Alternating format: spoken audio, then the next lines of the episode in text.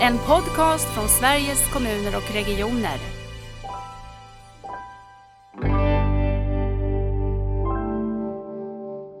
Nej, men det här var en riktig begravning. Det var eh, flera barn som sa ja, men det här var min första begravning. Jag tror också att det är svårt på något sätt när man pratar om närheten och döden att undvika att prata om rädsla. Genom att samtala om sådana här svåra saker så kan man också komma närmare varann och etablera en relation eller förstärka en relation. Hej och välkomna till Nära vårdpodden. I det här avsnittet ska vi prata om döden och det är också någonting som vi möter mycket i den nära vården. Eh, och jag har jättefina gäster med mig. Eh, jag vill välkomna Carol Tischelman, Max Kleiberg och Malin Eneslätt. Välkomna till podden. Tack Lisbeth. Tack. Vi vill ju veta vilka ni är och jag tänker Carol, berätta, vem är du? Ja, Lisbeth och jag har känt varandra länge genom andra arbete om sjuksköterskors arbetsmiljö som jag höll på med tidigare. Men jag, är, jag kommer från Bronx, det hörs antagligen, men jag hoppas att det också hörs att jag har bott i Sverige ganska länge. Och min bakgrund är som sjuksköterska, men jag har arbetat mest med forskning kring cancervård och livets slut såväl som sjuksköterskans arbetssituation. Och jag har en jättefin titel på min professur, tycker mm. jag, på Karolinska institutet som började med en, med en donation från Investor men nu är bara en del av Karolinska institutets vanliga verksamhet. Och jag är professor i innovativ vård och omsorg. Det kan ju inte passa bättre i Nära vårdpodden. Det, jag har tänkt mycket på dig Carol och tänkt att eh, med jag vet din klokskap och din, din krispighet och brightness eh, så vill jag ha med dig och få prata om de här frågorna, både i podden men också att få, få dela tankar och få bli lite utmanad, för det blir man också av dig. Eh, ja. Så kul att du är med och också du sa när vi eh, pratade här precis innan att du har dina älsklingsarbetskamrater, får man presentera någon så, med dig i gänget. Så Max, vem är du? Jag är, jag är Max. Um, ja, vem är jag? Jag kommer från Nederländerna ursprungligen uh, och jag har bott, uh, bott nu i Sverige sedan 12 år tillbaka. Um, och jag har en bakgrund i design. I Nederländerna mm. har jag pluggat design, alltså produktdesign. Mm. Eh, och sen bredvid mina studier jobbade jag som ung person då i eh, äldrevården eh, som extra jobb. Och som designer såg jag mig själv som en problemlösare. Men eh, då såg jag i vården problem som inte går att lösa genom att designa produkter. Mm. Jag tänkte att det kanske behövs nya arbetssätt eller nya sätt att tänka på. Och då flyttade jag till Sverige för att plugga en master på Konstfack som hette då Experience Design. Och genom det träffade jag Carol och så blev jag nyfiken på forskning och då blev jag doktorand eh, och jag disputerade uh, i, i juni då vid Karolinska institutet. Mm, grattis! Ja. Jag, jag, tänker när jag jobbar med omställningen så ser jag ju ett jättestort intresse just för tjänstedesign. Eh, mm. Och eh, kan man säga att det är ungefär samma sak som det du håller på med? Att designa tjänster eller designa upplevelser, eller hur beskriver ja, du det? Ja, ja, precis. Jag tjänster är kanske en del av det jag gör, eh, men jag skulle säga att det är bredare än så. Jag skulle säga upplevelser, att det handlar om upplevelser framför allt. Mm. Att, att, upplevelser är i fokus. Hur kan mm. man förbättra upplevelser av hälsa, vård, åldrandet? Det är sådana frågor som jag är nyfiken på. Mm. Tack och eh, tro det eller ej, men jag har med mig en person som sitter också i Luleå, men vi känner inte varann Malin. Berätta, vem är du? Nej, men precis. Jo, men, eh, jag heter Malin Eneslätt och är uppvuxen i Tornedalen i Pajala och bor nu i Luleå efter att ha varit, bott eh, både i södra Sverige och utomlands i några år. Och jag är ju då sjuksköterska i grunden jag också. Eh, och sen 2012 har jag eh, också arbetat på Luleå tekniska universitet som lärare på sjuksköterskeprogrammet där. Men jag har också sedan jag började läsa till sjuksköterska varit intresserad av forskning. Eh, och eh, tack vare min lyckliga stjärna så blev jag antagen som, som doktorand i det här forskningsprogrammet Döbra med, med Carol och även Olof Linkvist som, som huvudhandledare från början. Eh, och jag disputerade också förra året i maj 2021. Mm. Grattis! Tack! Jag tänker att vi ska eh, prata om döden och döendet och Eh, det arbete som, det forskningsarbete ni gör och tänker att det har så stora kopplingar till den nära vården. Och jag tänker den har ju det rent för att, att allt fler vill dö hemma eller dör hemma och nära är ju hemma. Men jag tänker också att det finns andra dimensioner på nära. Lite grann det du är inne på Max som upplevelser, att vara nära sig själv och vara nära eh, människan, det personcentrerade. Men eh, vad är nära för er? Vem vill börja? Carol? Ja, jag tror att det är självdefinierat vad nära är på samma sätt som man definierar sin närstående om man ska använda det som en exempel, att man mm. använder termen närstående istället för familj, för det är inte så att man nödvändigtvis känner sig nära alla på grund av en släktskap, men man bestämmer eh, det är en subjektiv känsla av vad som är nära och jag tror att nära är en ganska flytande term i synnerhet i dessa dagar med mycket digital, digital kommunikation.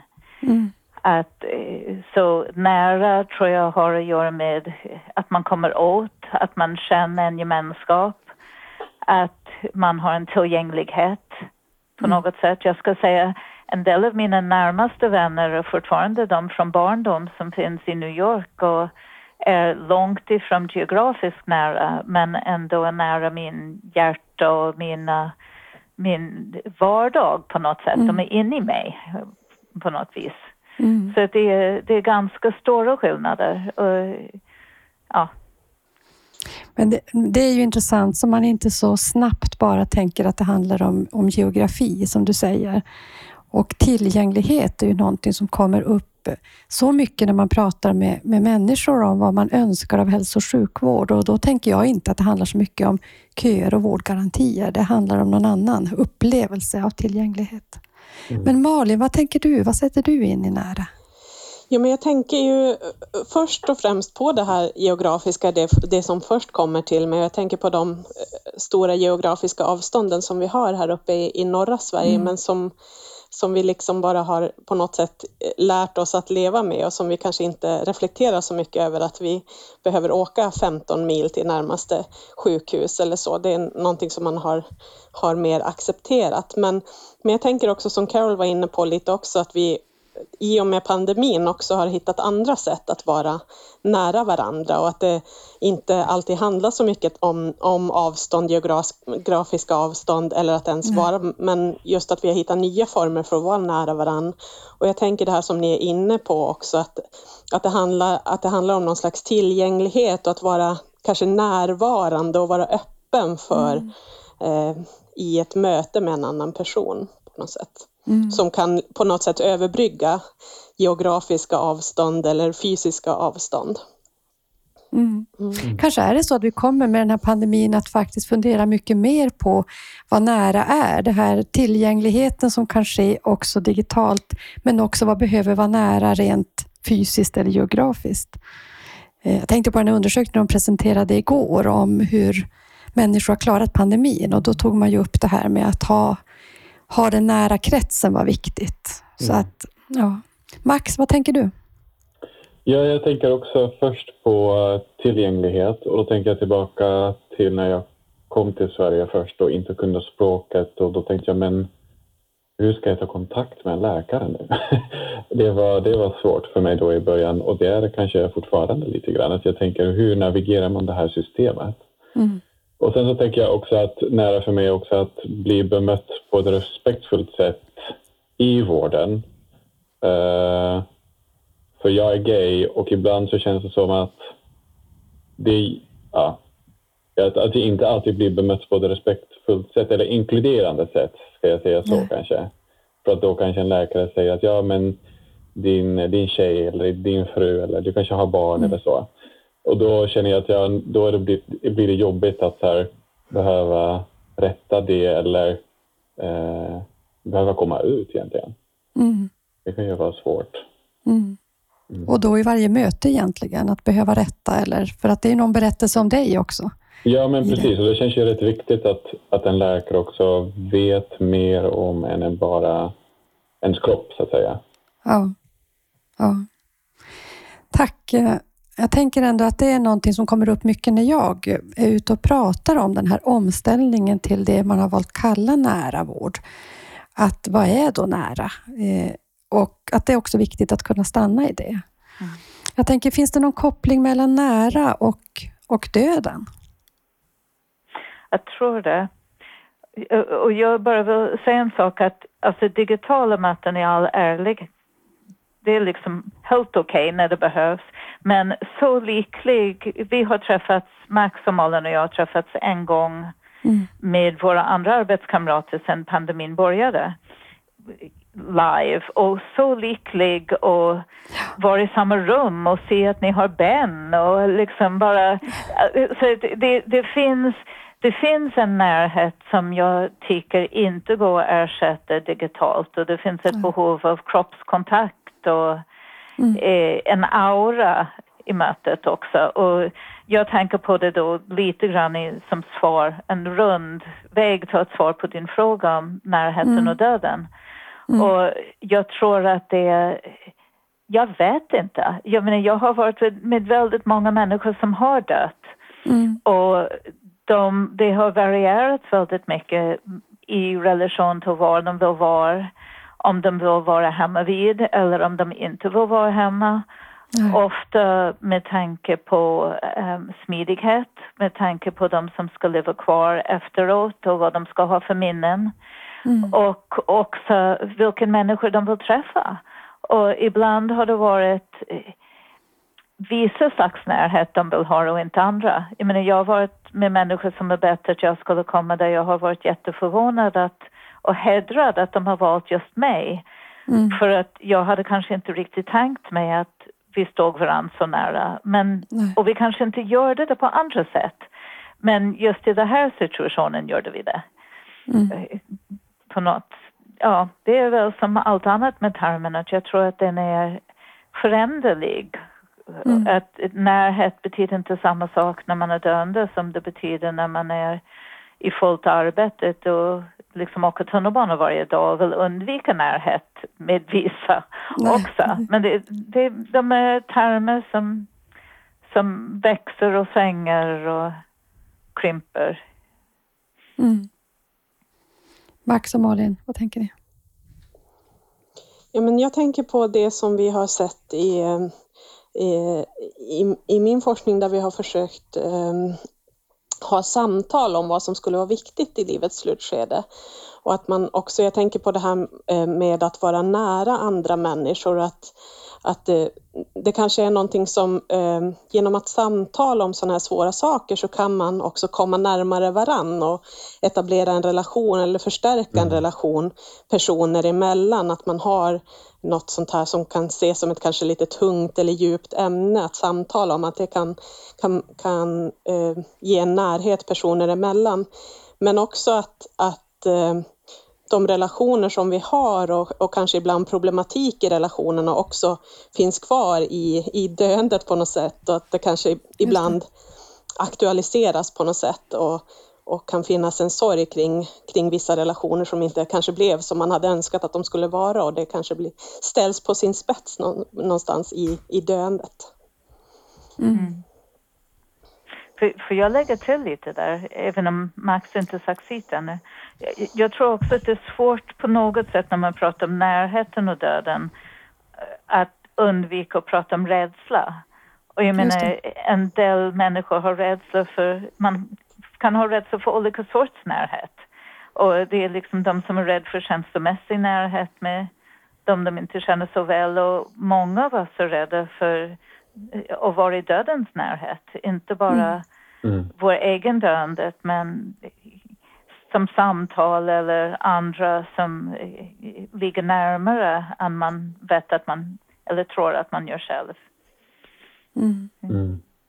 Jag känner igen det, ehm, det som Malin också berättade ehm, i, i min forskning också, att, att prata om döden även med personer som är i helt olika åldrar eller som man inte känner till alls, att det kan föra människor närmare varandra. Men jag tänkte också när du ställde frågan om nära och döden, att jag tänkte på äh, är vi nära döden?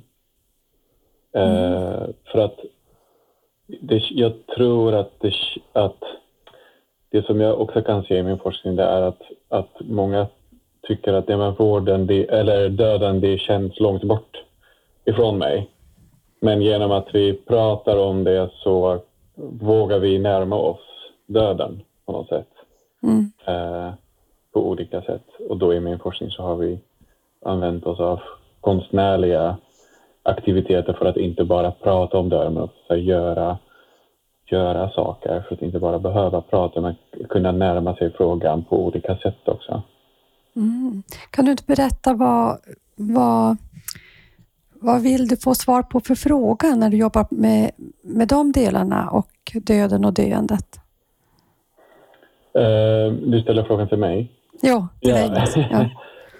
uh, ja, men um, Ja, I mitt doktorandprojekt så undrade jag bland annat hur, eller om och hur konstaktiviteter, skapandet, görandet, gestaltandet, hur och om det kan hjälpa till eh, för att engagera oss i frågor som rör döende, död och sorg. Eh, för att det kan vara så svårt att sätta ord på det. Eh, och vi vet inte riktigt hur vi kan eller vi, jag säger jag, alltså, om jag pratar utifrån mig själv, så tycker jag att det är svårt ibland att, att, att sätta ord på mina egna erfarenheter eller frågor som jag har eller så, som rör död och död och. Um, mm. Och då um, ja, har jag försökt arbeta med olika konstnärer och andra personer för att ja, testa lite grann. Mm. Undersöka det. Jag tänkte kanske vi börjar med varför startar det här arbetet? Carol, du berättade och vi träffades när vi jobbade med RM Forecast som handlade om sjuksköterskors arbetsmiljö och arbetsorganisationens betydelse för det. Och nu så håller du på med, med det här. Du har ju hela din bakgrund i, i cancerforskningen också och så. Men eh, hur kommer det sig och vad är det ni vill?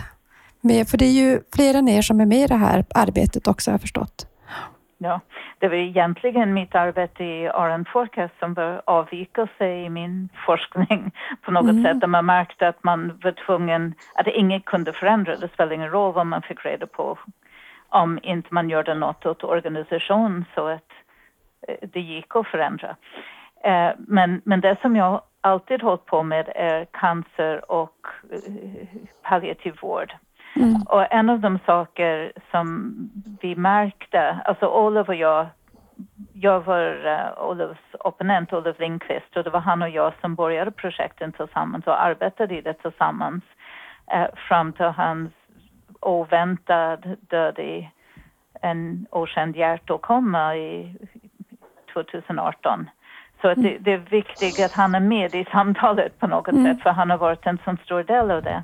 Men jag har jobbat i Australien och i Australien hade de vid sekelskiftet ungefär började arbeta med olika sätt att få frågor kring döende och död och sorg en del av en folkhälsoarbete. Mm. Att inte bara som vi i Sverige har gjort och bygga ut en specialiserad palliativ vård som når en, en bråkdel av människor. Och huvudsakligen de med cancer som har solida tumörer med en förutsägbar eh, väg mot döden på något mm. sätt. Och egentligen inte följt eh, mönster av där behoven finns i Sverige. Men, men har liksom en fantastisk vård, men en ganska lit vård som når inte alla, inte alla olika diagnoser, inte alla olika åldrar och inte geografiskt alla heller. Så det är ungefär som att bygga ut intensivvården i relation till döden och inte, se, inte riktigt ta hänsyn till att de flesta dödsfall är, jag vet inte om man ska säga normala, de är inte medicinskt komplicerade. Och det är något som vi alla går igenom. Men just de här vi har, vi har tagit hand om det medicinskt komplicerade döendet men inte hur kan man stödja människor och ta hand om det här som inte är medicinskt komplicerat men är en av de mest väsentliga och för oss som individer unika upplevelser vi går igenom när det är vår egen död eller de som vi håller kär som är i en sån situation. Och det finns ganska mycket olika nätverk som informellt gör det. Men det mm. också är mer och mer med professionalisering av döden någonting som blir mer och mer främmande för människor.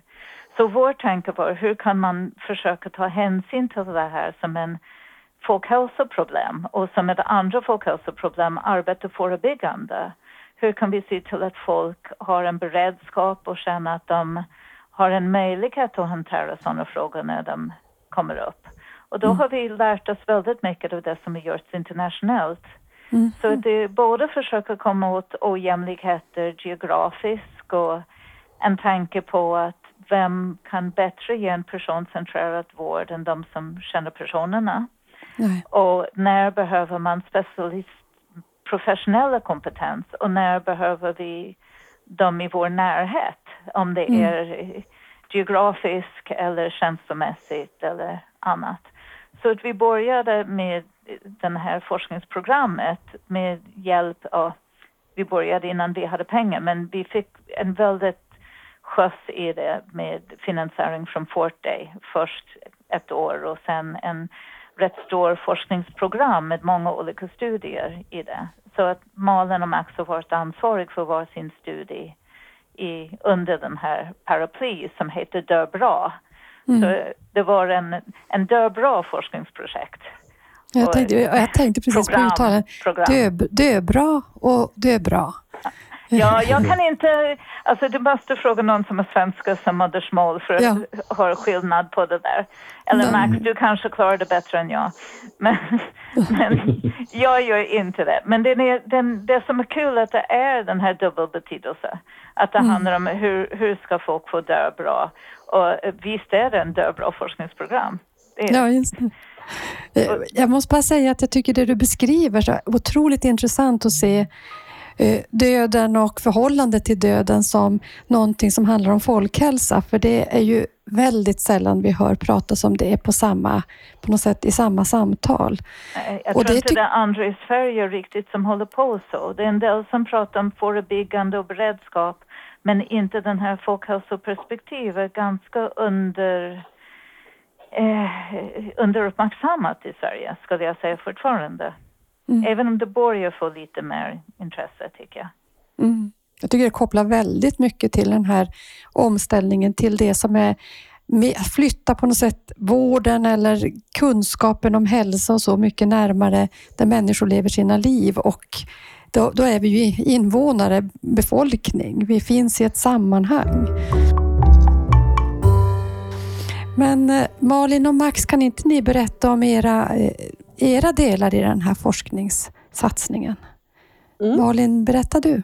Ja, eh, ja men i, i mitt projekt så har vi, som jag var inne på lite tidigare, så har vi liksom försökt starta samtal i förväg, alltså med personer som inte är i livets slutskede utan i ett ganska tidigt skede. Vi har främst rekryterat genom olika pensionärsföreningar och patientföreningar. Så personer personerna vi intervjuade var mestadels äldre men de var liksom inte i, i livets slutskede. Och att prata med de personerna om vad de tror skulle vara viktigt för dem i livets slutskede. Eh, vem och vad de tror skulle vara viktigt. Och då har vi använt två olika verktyg eller testat hur de skulle fungera att använda. Dels har vi använt en slags eh, nätverkskarta som heter Ecomap för att mm. eh, kartlägga vilka personer man har runt omkring sig som är viktiga och vilka man tror kommer vara viktiga när man är i livets slutskede. Men sen har vi också eh, arbetat med den här som vi kallar för döbra-kortleken som vi har översatt en amerikansk förlaga som heter Go Wish Cards. Eh, och mm. döbra-kortleken den består av 37 olika påståenden om sånt som kan vara viktigt i livets slutskede. Och även då valfria alternativ för att kunna formulera för sig själv ifall det är något annat som korten inte täcker in som är viktigt för en. Och det kan vara sådana saker som till exempel, den är ganska brett inriktad de här påståendena, så det handlar inte bara om det rent medicinska och vården utan till exempel att, att få reda ut oavslutade saker med andra, eh, att inte dö ensam, att behålla min värdighet eller att inte ha svårt att andas. Det är några exempel på påståenden som finns i kortleken. Då. Mm. Eh, och, du, alltså, står det så på kortleken eller hur står det? Hur använder man den? Ja, precis. Det står precis så. Att reda ut oavslutade saker med andra är liksom ett påstående mm. på ett kort. Och sen är tanken då, instruktionerna är um, att man går igenom kortleken och först sorterar i tre olika högar. Det som påståenden som känns mycket viktiga, ganska viktiga och mindre viktiga för en själv. Och att man till slut då eh, sorterar ut de tio allra viktigaste påståenden för en själv och, och rangordnar dem från ett till tio. Men det vi då har sett då i min forskning är att, eh, att kortleken kan vara ett bra sätt att, att initiera och starta samtal och precis som Max var inne på tidigare, att ha någonting att göra så att man inte bara ska sitta och titta varandra djupt i ögonen och säga nu ska vi prata om döden, utan att det kan vara liksom befriande att ha den här kortleken att dels att förhålla sig till de här påståendena, så man behöver inte komma på allt själv, men att ha någonting konkret att göra med att flytta om de här korten och så. Men också att, att det är viktigt med samtalet runt omkring det. Runt omkring de här påståendena. För man kan välja till exempel samma kortpåståenden men man kanske har olika anledningar till varför man väljer det. Till exempel att, att inte känna smärta. Eh, det kan man välja för att man inte vill ha den fysiska upplevelsen av att ha smärta, men det kan också vara för att man inte vill att ens närstående ska se en ha ont. Mm. Så det är viktigt med samtalet runt omkring det har vi också kommit mm. fram till i min mm. för, för Jag lägger till bara lite, mm. Malin. Mm. För det är mm. inte så att vi bara absolut. översatt det rakt av, men vi har lagt ner ganska mycket tid med att anpassa den till svenska förhållanden och arbetat Alltså en nyckel tror jag till det vi har gjort i de olika projekten i Döbra, att vi har arbetat tillsammans med dem som skulle vara engagerade i frågorna. Så att vi har haft en grupp bestående, mm. som du sa, liksom av patient representanter från patientföreningar och olika sorts och PRO och andra pensionsorganisationer och en etnolog och så. Mm. Och sen har vi testat det till exempel i eh, Botkyrka hade en grupp, en inter, interreligiös råd och testat det med företrädare för olika religioner och kulturer och så för att försöka få någon kort samling som skulle fungera bra i olika sammanhang. Så att den är, den är väldigt lik den amerikanska men den är inte direkt som den amerikanska. Jag tänker om man, ser, om man ser det här som ett redskap egentligen i folkhälsoarbetet, ser ni plattformar där den här kortleken då ska användas? Jag tänker bli inspirerad av det här att, att det blir någonting som vi också pratar om mer i vårt samhälle. Vad tänker ja. du Malin? Var ser du att den används? Eh, ja, men vi, vi har ju sett i den, i den sista delstudien i min eh, doktorsavhandling så tittade vi på, för den här kortleken har ju också blivit allmänt tillgänglig. Det blev så stor efterfrågan efter kortleken, dels från våra deltagare men också när vi pratade om den i olika sammanhang så ville både personer från vård och omsorg men också allmänheten ville gärna få tag på en kortlek. Så till slut så gjorde vi den, eh, eller genom en liten process så gjorde vi den allmänt tillgänglig så den finns att köpa via eh, bokhandlar. Och vi tjänar inga pengar. Och då är den fjärde... Vi tjänar inga pengar på det.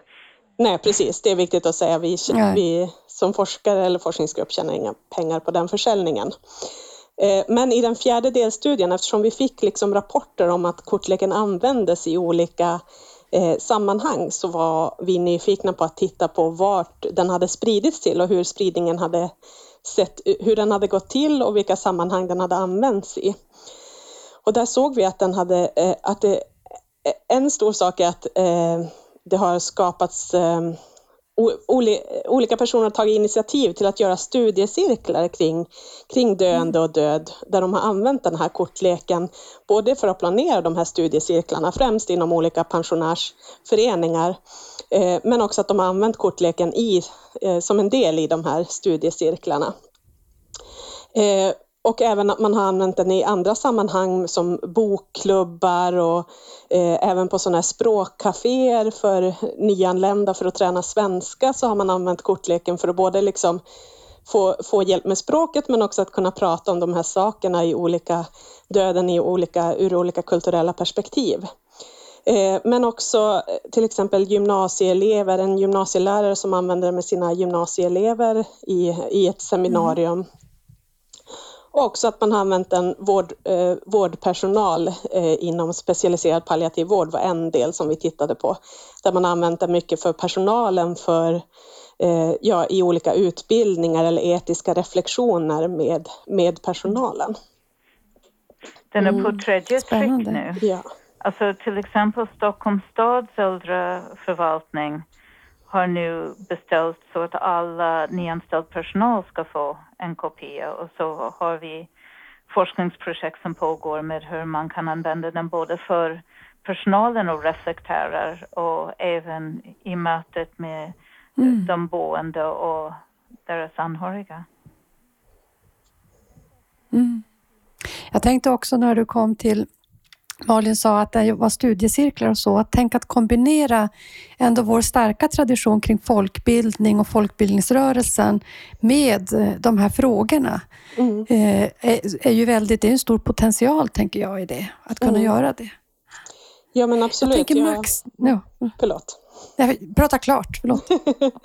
Nej, men vi blev väldigt glada att se det och jag tänker att det var, det var eh, att de som hade anordnat sådana här studiecirklar beskrev att det fanns liksom, det var inte svårt att fylla de här studiecirklarna utan det verkade finnas ett behov bland dem i, i de sammanhangen som de initierar de här eh, för personer att få prata om de här sakerna och att få lära sig mer om olika aspekter kring döende och död varje dag. Mm. Förstår det.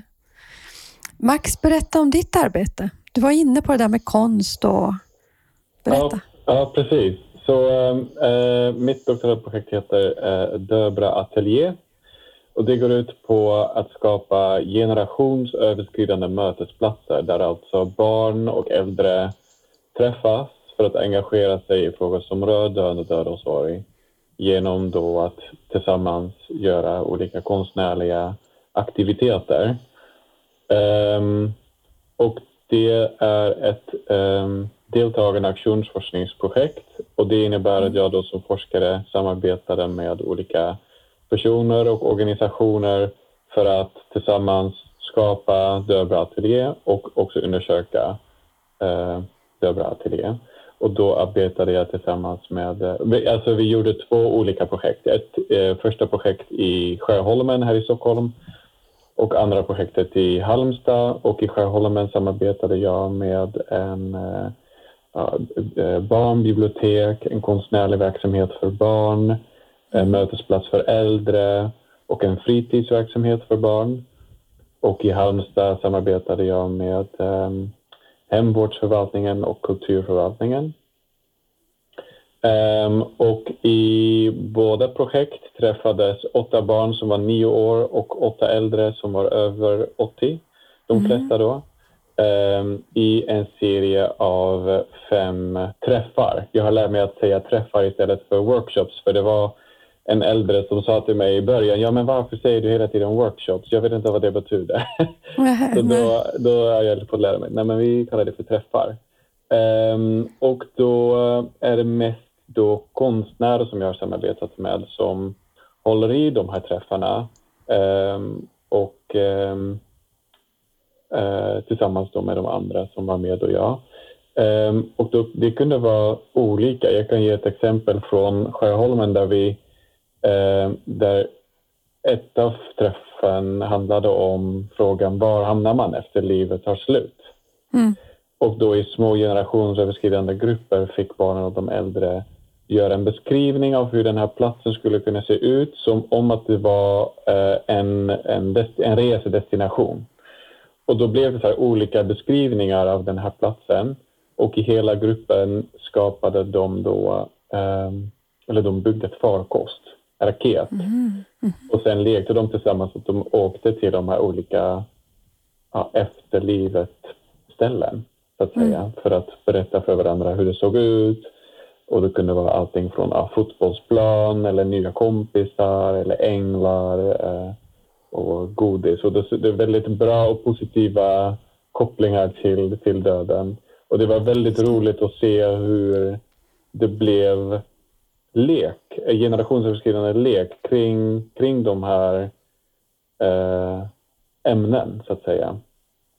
Och ett exempel från Halmstad var att eh, en, en, ett, en av konstnären hittade en död fågel Just. som hon tog med sig till, till workshopen, eller träffen.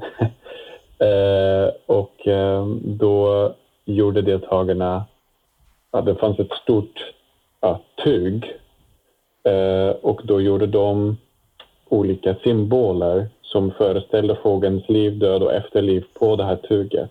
Mm. Och sista träffen handlade om att eh, begrava fågeln, göra en ceremoni till den här fågeln Eh, och eh, säga farväl till varandra kanske också. Så det var en fin avslutning av, av projektet som um, och då gick jag runt och tänkte men vi leker en begravning nu men um, efter, efter varje projekt så har jag ju intervjuat barnen uh, och de äldre också och då kom det fram att nej men det här var en riktig begravning. Det var det. flera barn som sa ja men det här var min första begravning mm. som jag var på. Mm. Uh, och det var några äldre också som sa att som kopplade den här begravningen till deras egna erfarenheter och som sa ja men jag gillar inte jordbegravningar så jag stod lite bak här och mm. sådär. Så, mm. Vad, vad, har det lärt dig? Vad har, ni, vad har det blivit för effekter eller vad drar du för slutsatser av det som din forskning har handlat om och det ni har gjort i det här projektet?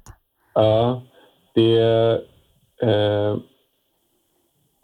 nu snurrar det mycket i huvudet, men någon, en, en, stor, en stor slutsats som jag drog ganska tidigt i projektet när vi jobbade i Skärholmen, det var att vi insåg då att ja, men vi vill ju skapa den här platsen för barn och äldre, men egentligen måste vi som vuxna mittemellan, så att säga, mitt, vuxna mittemellan barnen och de äldre som har ansvar mm. för barn och äldre, vi måste själva först få prata om de här ämnena innan vi kan eh, ja, möjliggöra det här mötet.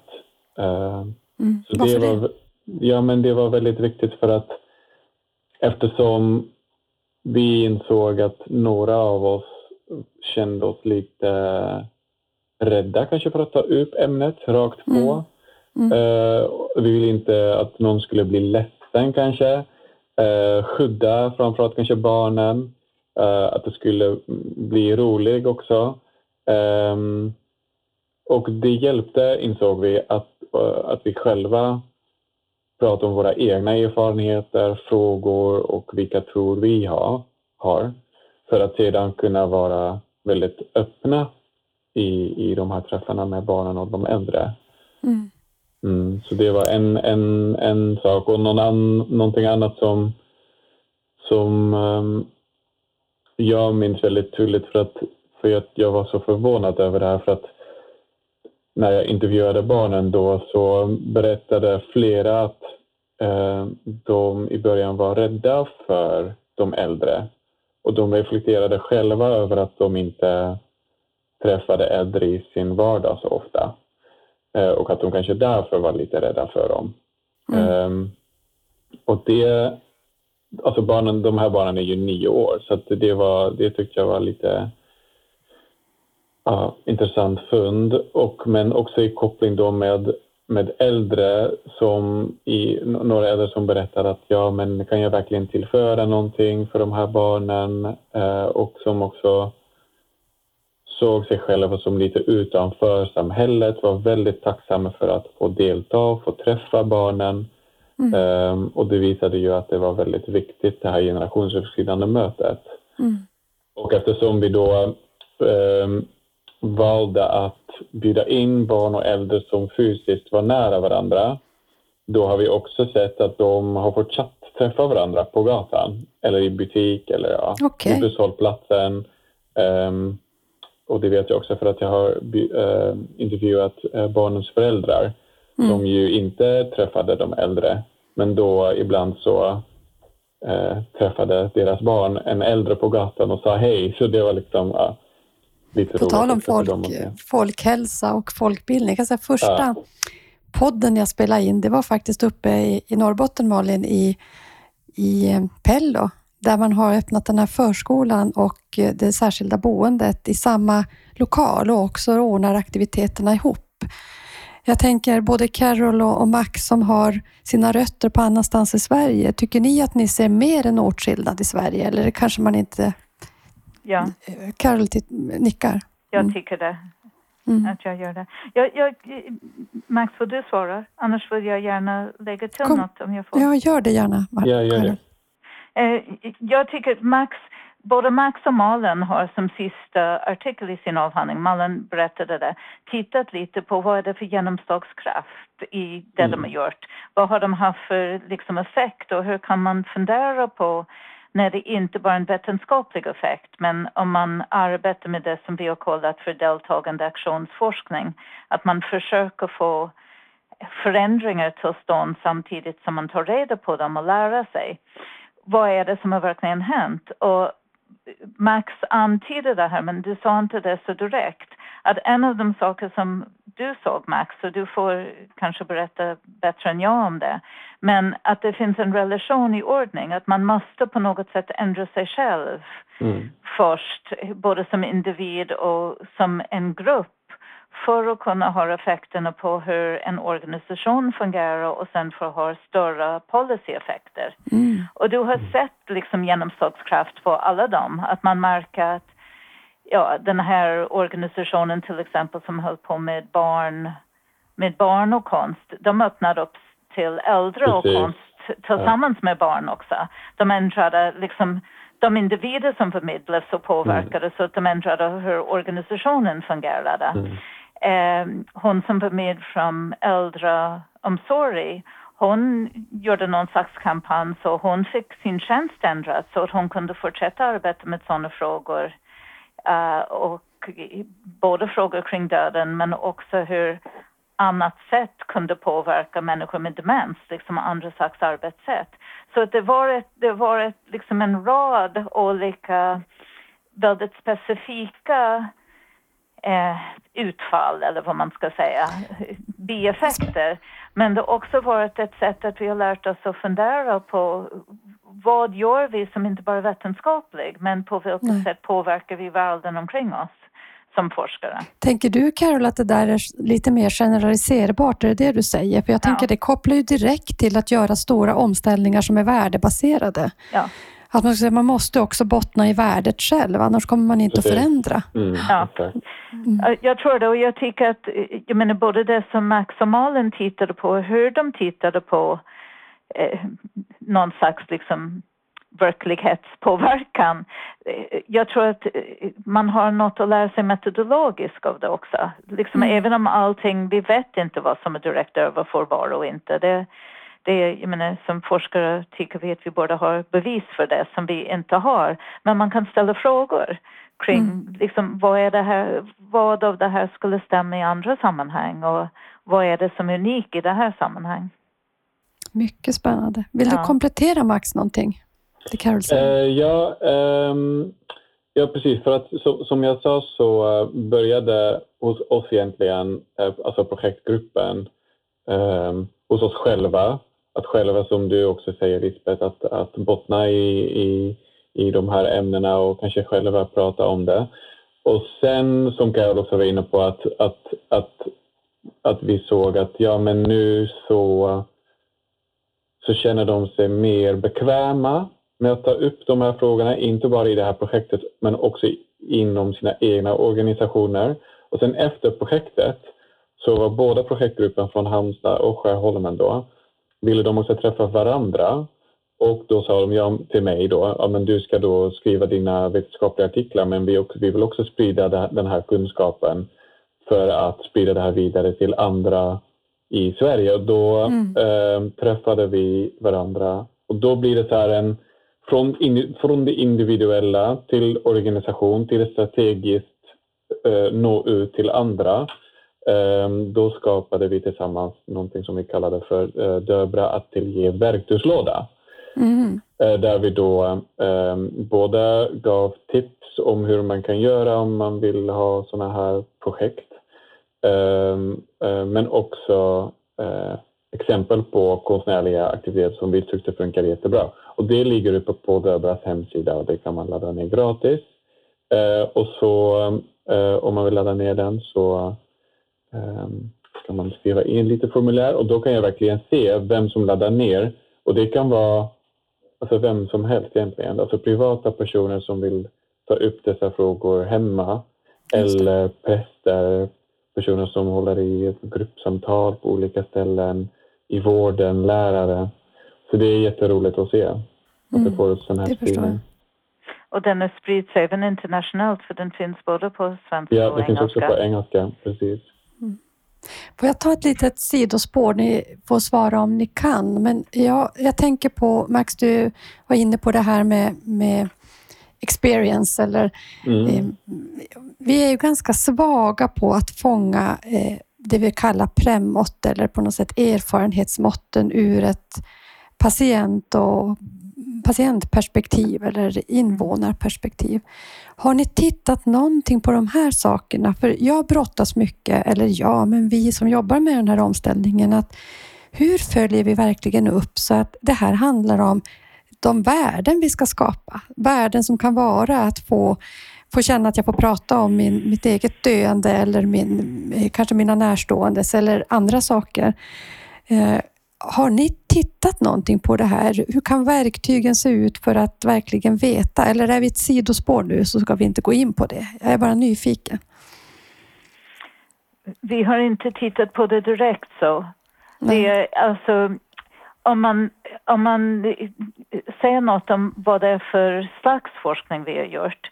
Det mm. mesta forskning är ganska kontrollerat. Att det, det står i forskarnas händer och att man testar det med en begränsad grupp som forskarna har bestämt och avgränsad. Och vi har arbetat på ett annat sätt.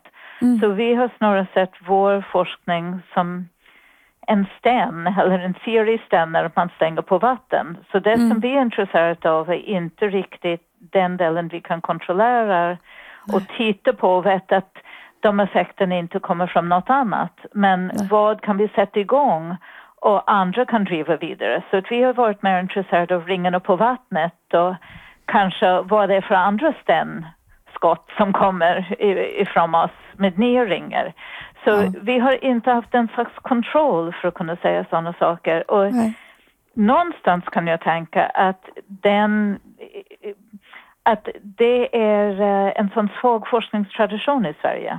Det här mm. med deltagande forskning på det viset och att man kan fundera lite grann varför och svårfinansierat är det också kan Exakt. jag säga.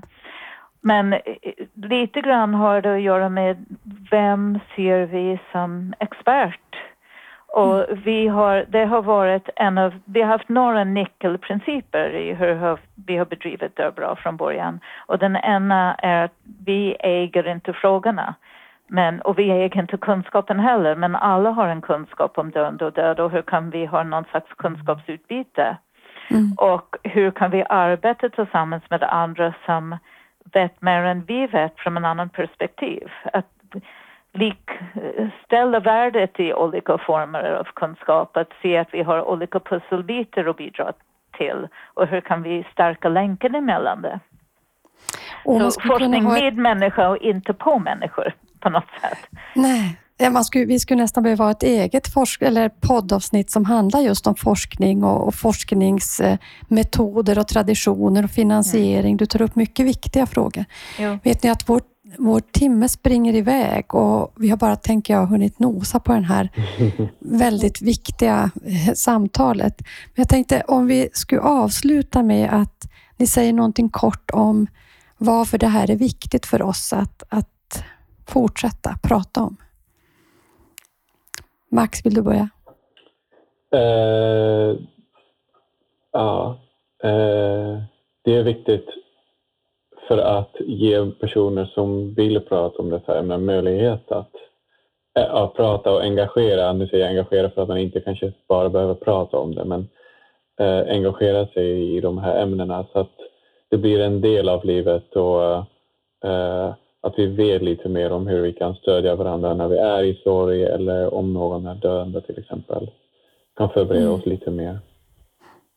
Tack. Malin? Jag, ja, jag är inne på samma som Max där att det, det första man kan säga är att alla behöver inte känna ett tvång att prata om döden för det kanske känns jättejobbigt för en del personer så det ska inte vara någon slags normerande tvång att det här måste alla prata om men jag tänker att det, det jag har fått till mig från min forskning är att att det ibland kan fattas forum för att prata om sådana här saker. Folk vill prata om det men de vet inte mm. riktigt hur man ska ta upp frågan och de vet inte vem man ska prata med, med de här, om de här sakerna med om man är rädd att kanske göra illa någon, någon annan genom att ta upp frågan, till exempel ens, ens närstående och så. Och sen tänker jag också sådana här förberedande samtal som, som vi har gjort i mitt projekt är också viktigt för att vi inte vet när vi kommer att dö och vad som kommer att drabba oss. Så det kan vara viktigt att, samt, att dels reflektera för sig själv vad man tror är viktigt, men också att kunna samtala det, med det, om det med till exempel ens närstående så att man har någon slags förberedelse, som Max också var inne på, att, att kunna hantera de här frågorna och hantera döende och hantera hur man vill ha sin vård i livets slutskede när det väl är dags, så att säga. Mm. Tack. Carol, vad tänker du? Jo, jag håller med både Malin och Max att det är dels som frivilligheten, att det inte alls säkert att det här är något för alla. Och eh, alltså, en sak som har varit ganska betydelsefull är just det här att märka att det här handlar inte om andra. Vi är inte eh, jag menar, genom att Olof dog plötsligt mitt i projektet också märker man hur mycket det spelar roll att man har diskuterat, att man har en möjlighet att hantera frågor mm. både i förväg så att man, man har någon slags förberedelse för att hantera dem när de kommer upp för att man har ingen aning om när de blir aktuella. Och jag menar, vi alla har vi alla står i samma båt på något sätt och expertkunskap är inte det som löser de problem på en social plan bara. Vi behöver varandra. Och eh, vi har också, jag har också påverkat väldigt mycket av samarbete vi har haft med begravningsbyråer mm. som har tagit kontakt med oss och sagt att de ser väldigt mycket hemskheter inom familjer som uppstår efter dödsfall och de märker att de flesta av sådana problem har sina grunder redan innan dödsfall. Att man vet inte man vet inte vad någon vill. De inom familjen har olika åsikter, har olika synpunkter och ingen har pratat om det. Även i situationer när man har vetat att någon eh, skulle dö inom kort under, liksom en, ja, dö inom kort under en längre tid, låter som mm. en men jag menar, det, vi, har svårt att, vi har svårt att ta initiativ till sådana diskussioner och de kan vara väldigt, väldigt problematiska för oss på individplan och på familjeplan och i förlängningen på liksom samhällsplan. Nu står vi i situationer där jag tycker att vi har sett väldigt mycket i det här med covid. Mm. Men man har diskuterat om alla äldre skulle in till intensivvården eller om alla äldre inte skulle till intensivvården. Men hur skulle vi veta vilken äldre människor vill ha alla åtgärder oavsett och vem mm. som tycker att de vill hellre få dö i lugn och ro i sin egen hem. Mm. Och jag tror att det märks att det här, det här gäller oss alla på så många olika nivåer. Mm. Jag vet nu inte om jag svarade frågan än, så jag tappade bort vad frågan var. Det gjorde du visst, det tycker jag. Och jag tänker att vi eh, knyter ihop säcken med egentligen det du sa, eller ni alla avslutar med. Att det här döden och samtalet om döden och sorg och eh, är också en folkhälso, en folkhälso och en folkbildningssatsning. Mm. Så stort tack för att ni var med i Nära vårdpodden. Stort tack att vi fick. Ja, tack, tack så mycket. Tack. Ja.